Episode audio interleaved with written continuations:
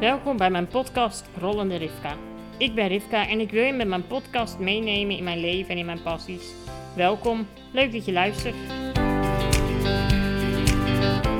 In de vorige podcast vertelde ik dat mijn vakantie iets anders is verlopen dan dat ik had uh, gedacht van tevoren. Ik ben thuis gebleven en ik heb leuke uitstapjes gedaan. Alleen wat, wat gewoon heel erg lastig is in mijn geval bij het doen van uitstapjes is naar het toilet gaan. Want om naar het toilet te gaan moet ik neergelegd worden. Dus ik heb de grootste beslissing genomen om eens te gaan testen met een katheter. Hoe bevalt een katheter in mijn urineweg? En um, nou, een review, is dat misschien de beste bewoording van waar we het vandaag over gaan hebben? Uh, een beetje vies praatje misschien, maar um, nou, ik denk dat dit wel het, het beste omvat. My point of view.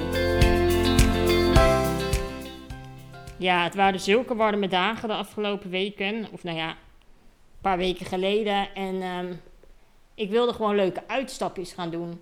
Ik wilde een keer naar de dierentuin. Ik wilde een keer naar Paleis het Loo. En ik wilde gewoon weg kunnen gaan. Zonder dat ik rekening hoefde te houden met mijn toiletgang. En ik ben gewend om het 16 uur te kunnen ophouden. Maar ik merkte ook wel steeds vaker dat mijn lichaam dat niet leuk vond. En waar merk je dat dan aan? Nou ja, vooral de dag daarna heb je weer al veel pijn in je nieren, omdat je te weinig geplast hebt. Dus ja, ik zat toch wel heel erg lang al te denken over hoe lossen we dit probleem op. En ik ben er ook mee bezig op Schiphol, want op Schiphol is natuurlijk ook geen changing room. Um, en ja, dan heb je het ook met mensen over katheters of over luiers. En ja, luiers vind ik echt verschrikkelijk, want ik pis er altijd doorheen. Ja, dat vinden mensen misschien heel gek. Maar als ik gewoon één keer plas, dat is 500 milliliter, dan is je luier door en door nat. Dus je moet heel rustig, langzaam, kleine beetjes plassen. Nou, dat ben ik niet gewend. Dus ja, een luier is voor mij echt helemaal niks. En die meiden die bij mij werken, die spraken best wel makkelijk over hoe je een katheter plaatst. En, maar het zit er zo in. En uh, toen dacht ik ook, ja, hoe ellendig kan het zijn? Het is maar drie centimeter dat het naar binnen gaat. Ja. Dus toen dacht ik op een gegeven moment, weet je wat? We gaan het gewoon een keer proberen. Weet je, heel veel mensen hebben het. Heel veel mensen als ze zwanger zijn geweest hebben het. Hoe erg kan dit daadwerkelijk wezen om in te brengen? Nou, en als bij mij de knop opgaat, dan moet het ook eigenlijk morgen gebeuren. Want dan ben ik daar gewoon aan toe. Dan heeft het al een hele tijd lopen pruttelen in mijn hoofd. Dus um, ja, op een woensdagavond was het zover. Ik dacht, ik moet me maar wel even scheren van tevoren. Want ja, je weet ook niet hoeveel pijn je daarna nog hebt. Nou, dat had ik inderdaad maar beter goed kunnen doen, inderdaad. Dat heb ik ook gedaan. En um, ja, toen um, ging een van die meiden die katheter inbrengen. Nou, ja, hoeveel details moet je hierover bespreken in een podcast? Dat is de vraag. Nou ja, in elk geval dat die meiden zeiden dat je er niet zoveel van voelt. Dat is inderdaad zo als je een dwarslesie hebt. En als je gevoelsproblemen van onder hebt. Ik ben erachter dat ik niet tot die categorie mensen behoor. Nou wist ik wel dat ik geen dwarslesie had, maar dat ik van onder ook niet zoveel voel. Daar ben ik ook achter dat dat niet zo is, want... Godsallemachtig, wat een gevoel, wat verschrikkelijk. Ja, eerst dat gat vinden. Klinkt heel gek. Schijnt dus ook ingewikkeld te zijn bij iedereen. Wist ik veel. Ik denk, hop, hop. Stop erin. Ja.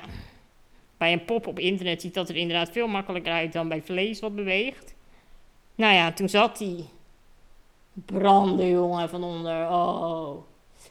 Maar, uh, en ik heb een bed wat de hele nacht beweegt. Dus dan wat harder wordt, dan wat zachter wordt.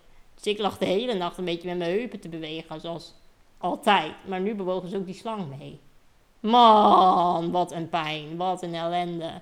Echt een doffe ellende. Dus al heel snel ging dat bed op gelijkstand, zodat ik gewoon stil bleef liggen. En uh, ja, toen de volgende dag gaan zitten voor het eerst. Ja, nou, dat is allemaal goed gegaan. Uiteindelijk, ik doe nu alsof het een super drama was. Ja, was het eigenlijk ook. Maar toen ik eenmaal 24 uur dat ding erin had zitten, werd natuurlijk de ellende minder groot. En merkte ik hoe fijn het was om gewoon niet rekening te hoeven houden met plassen. Gewoon naar de wc gaan hoefde niet meer. Ik hoefde niet meer uit mijn rolstoel getild te worden. Kijk, ik werd wel tien jaar ouder tijdens de verzorging, s ochtends en s avonds. Want oh dat je aan die slang trekt. Oh dat die bewoog. Nou, dan heb je natuurlijk wel blaaskramp of je blaas vindt het niet zo leuk. En uh, uiteindelijk leerde ik, leerde ik dat wel te herkennen. Ja, ja, en toen was het zover dat, we, dat ik een paar dagen had en toen gingen we een dagje uit. Ja, fantastisch. Was echt geweldig. Nu, we gingen, we gingen naar de dierentuin in Renen. Onderweg lekker naar Starbucks. Nou, medium uh, iced tea. Heerlijk, want ik kon dat drinken, want ik raakte toch kwijt in die zak.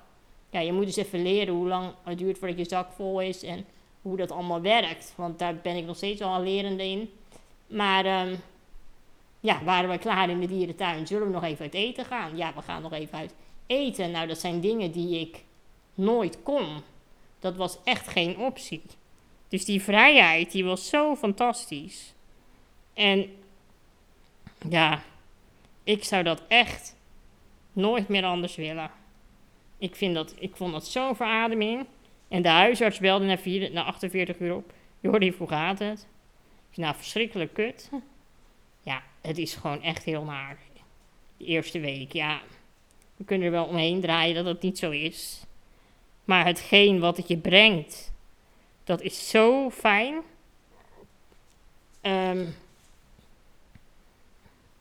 ook, ik had daarna vergaderingen op Schiphol hele dagen. Kon gewoon naar de wc.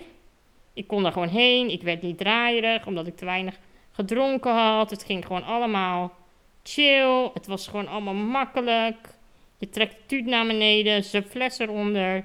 Je loopt leeg en je gaat weer door met je dag. Ik heb ook nog nooit zoveel gedronken in mijn leven als de afgelopen weken. Want normaal gesproken zat ik vol in mijn buik van drinken. Dus beïnvloedde ook de hoeveelheid drinken wat ik kon eten. Is ook geen sprake meer van. Want nu loopt het drinken gewoon eigenlijk gelijk door. En dan, ja, mijn blaas is geen vulling meer voor mijn lichaam. En dat, ja, dat zijn dingen die ik zo'n verademing vond om te ervaren. En mensen zeggen dan natuurlijk altijd: ja, je had het veel eerder moeten doen. En dat had ik toch al gezegd. Maar met dit soort dingen moet je er ook aan toe zijn. Je moet ook denken: oké, dit is een probleem waar ik tegenaan loop en ik wil daar een oplossing voor. En ik sprak met iemand en die zei tegen mij: Rif, ik gun iedereen met SMA zo'n uitgang. Of een andere uitgang dan gewoon plassen. Want weet je wat het mij kost om elke keer naar de wc te moeten? In de teelzak, neergelegd worden, draaien heen, draaien terug, broek uit, op de poot, plassen, afvegen, broek weer aan, weer draaien 30 keer, weer terug in de teelzak, weer in mijn stoel neergezet worden. De ene zet je lekkerder neer dan de ander. Dan dat geijs aan je broek. En al dat soort dingen, dat is gewoon, ja, dat is dus nu allemaal niet meer aan de orde. En wat vindt mijn lichaam dat fijn? Ja, en die blaaskrampen, die neem je maar voor lief. En eigenlijk na vijf weken, ja, begint je lichaam er ook wel gewoon heel erg aan te wennen. En wordt het steeds makkelijker en doet het af en toe wel pijn. Maar ik heb, ik had als eerst als doel Rif, je moet het een week proberen, want een week heeft je lichaam de tijd nodig om te wennen. De eerste 48 uur mag het niet meer pijn doen dan een 8. En de eerste week mag het niet meer pijn doen, gemiddeld dan een 5. Nou ja, hij heeft meer dan een week. Hij heeft vijf weken gezeten, dus kun je nagaan hoe het is bevallen. Maar ja, vind het ook wel lastig. En dat zeiden mensen ook tegen me, waarom zou je dit willen als je gezond bent? Ja, wel grappig dat je op dat moment dus dan gezond bent. Want je brengt toch iets in, in gezond weefsel, wat risico's met zich meeneemt. Want ja, uh, een katheter geeft gewoon risico's voor een blaasontsteking. Dat is natuurlijk gewoon, dat weet iedereen. Um, maar wat zijn de risico's van maar vier keer per dag naar de wc kunnen? Wat zijn de risico's van dagen niet kunnen drinken omdat je een uitje doet? wat is, er groter, wat is een groter risico dan op deze manier je leven invullen? Ik heb nog nooit zoveel water gedronken dan de afgelopen weken. Of thee, of whatever. Dat is ook wel weer gezonder. Um, dus ik ben heel erg benieuwd wat dat uiteindelijk. Ja, misschien iemand die dit luistert kan daar wel wat zinnigs over zeggen. Misschien ook niet. Maar ik vraag me dan soms dan wel af, denk ik, wat is nou beter of niet? En naast um, ja, die katheter in mijn urinebuis, daar moet gewoon een andere oplossing voor komen. En die gaat daar ook voor komen. Daar ga ik het in de volgende podcast uh, over hebben, want ja, we moeten de content een beetje spreiden. Want we zijn alweer, eigenlijk alweer heel veel weken verder. En als jullie het luisteren, zijn we nog meer weken verder. Dus um, ja, we gaan het um, hebben over de volgende stap in mijn zoektocht naar een uh, makkelijker plasleven. Gaan we dit zo noemen? Oh, dit is echt heel erg dit. Ja. Die wil ik echt niet... Nou, laat maar. Nee, dit zijn allemaal details die moet je allemaal niet willen weten. Maar voor iedereen die dus een urinekatheter krijgt... In de plasbuis. Sterkte. Maar het komt goed. Zeker weten. Nou, ik denk dat we dit... Uh, het is dit keer een korte podcast. Um, maar toch wil ik jullie bedanken voor het luisteren. En vergeet je niet te abonneren als je vragen of suggesties hebt. Neem met mij contact op via rollenderifka.nl. We houden contact. Tot de volgende keer.